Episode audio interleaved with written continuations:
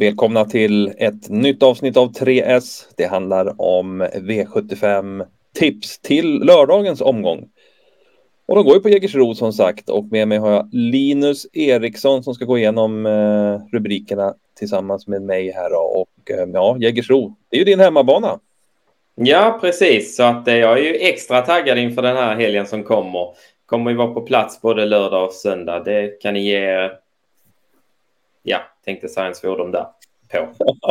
alltså är det. Vad, vad, har, um, vad betyder den här helgen för dig då? Betyder det något speciellt? Ja, men det är väl den stora helgen för oss som är, håller till här nere i Skåne. Det är väl, ja, Elitloppshelgen är ju speciell, det är den ju. Men därefter så skulle jag säga att derbyhelgen är min absoluta favorit. Så att, eh, ja, det är mycket skoj att se fram emot. Härligt. Och skoj hoppas vi att vi ska ha i det här programmet också. Eller ja, inte så jätteskoj, men, men vi ska vara allvarliga och hitta spikarna och skrällarna och chaset. Och det är väl lika bra att vi drar igång direkt med första rubriken.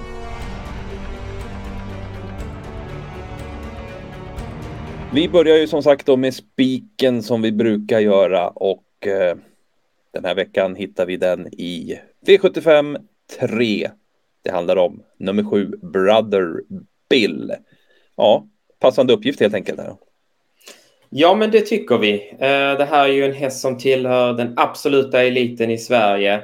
Var väl också eh, mångas... Eh, ja, men många trodde att han kunde vinna självaste Elitloppet i år. Um, han inledde ju året väldigt bra och stod för en väldigt stark sport där i årsdebuten. Fick ju dra fram Hail Mary då och eh, lyckades inte få vinna, eller fick inte vinna trots att han då i årsdebuten sprang 9-1 över kort distans. Sen var det ju Elitloppet som gällde. Eh, där har vi sett att han har ju problem när han måste övernatta och stå i sån här så kallad detention barn. Så den starten är väl bara att glömma. Sen gjorde han comeback här i, eh, i somras på, eller i, på Sundbyholm i Eskilstuna. Var inte som bäst då och det varnade man för också lite i stallet och sa att ja, det hade inte varit perfekta förutsättningar in, eller uppladdning inför. Eh, nu låter man däremot betydligt mer eh, säker på att det kommer komma en bra prestation.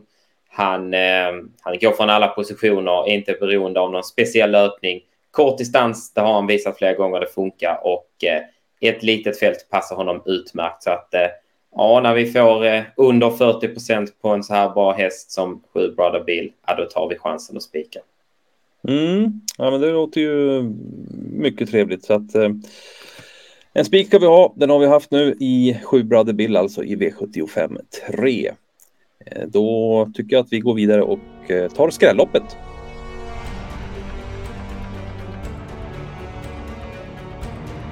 Jaha, då ska vi ha skrällopp och vad hittar vi det den här veckan? Ja, vi går till V75 5 som vi tycker är väldigt svårt att eh, reda ut här.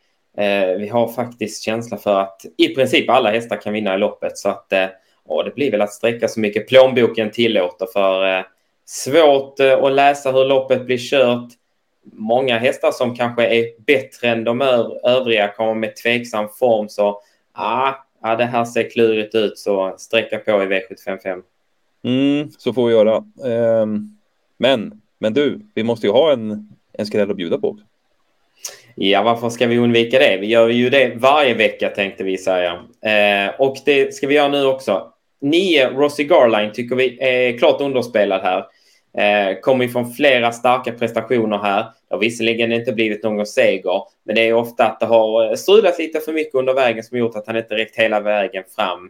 Eh, senast blev han ju bara fyra, eller vad man ska säga, i Vaggeryd lite enkla sammanhang. Men återigen så gick det fler, mesta fel under vägen och ja, när de där framme springer runt 11 sista varvet, ja då är det inte lätt att hinna fram när man sitter, eh, ja vad var det, fjärde eller femte eller sjätte utvändigt. Eh, sporten var i alla fall bra igen. Formen sitter där. Passande läge med spår 9 och vi får dessutom Örjan Kihlström upp i sulken. Så eh, ja, Rossi Garline då, häst nummer 9, den måste ni passa. Mm, härligt. Då återstår det en rubrik i det här programmet. Det är chaset.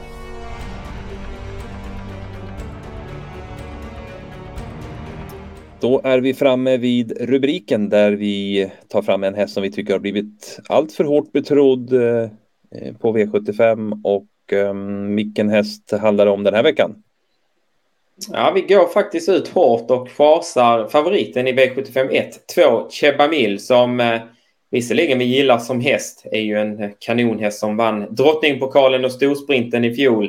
Eh, men eh, ja, sen eh, hände det någonting. Vi har inte, startade ju inte mer efter stor, vinsten i Storsprinten och gjorde comeback lite senare här i år och gått okej. Okay. Tog ju en seger direkt i comebacken. Eh, men därefter har det väl kanske varit snarare att hon har gått lite nedåt i prestationsmässigt. Var ju ute här eh, så sent som i stor-EM under jubileumspokalkvällen. Det var visserligen väldigt tufft emot ska sägas. Men det var inte alls något tryck i avslutningen och hon, slag, och hon slutade i det slagna fältet. Eh, från stallet låter man lite osäker på formen. Hon är inte jättesnabb ut och även om hon har spår två så finns det risk att hon kan hamna något hack för långt bak. Så ja, en Chebamil utan någon toppform och som riskerar att göra grovjobb, det är väl ingenting för oss i alla fall att gå rakt ut på. Nej, så är det. Alldeles för hårt betrodd där alltså i V75 inledningen Chebamil. Bra där Linus, då ska jag ta och sammanfatta våra rubriker och rubrikhästar här. Då. Det var ju alltså spiken då. Den kommer i V75 3 i 7 Brother Bill. Skrälloppet var V75 5, väldigt öppet lopp, sträcka på, men ehm, ja, vi lyfter fram nio Rossi Garland som den roliga skrällen i loppet. Och så chasar vi då alltså i V75 i ledningen nummer två, Chebamil.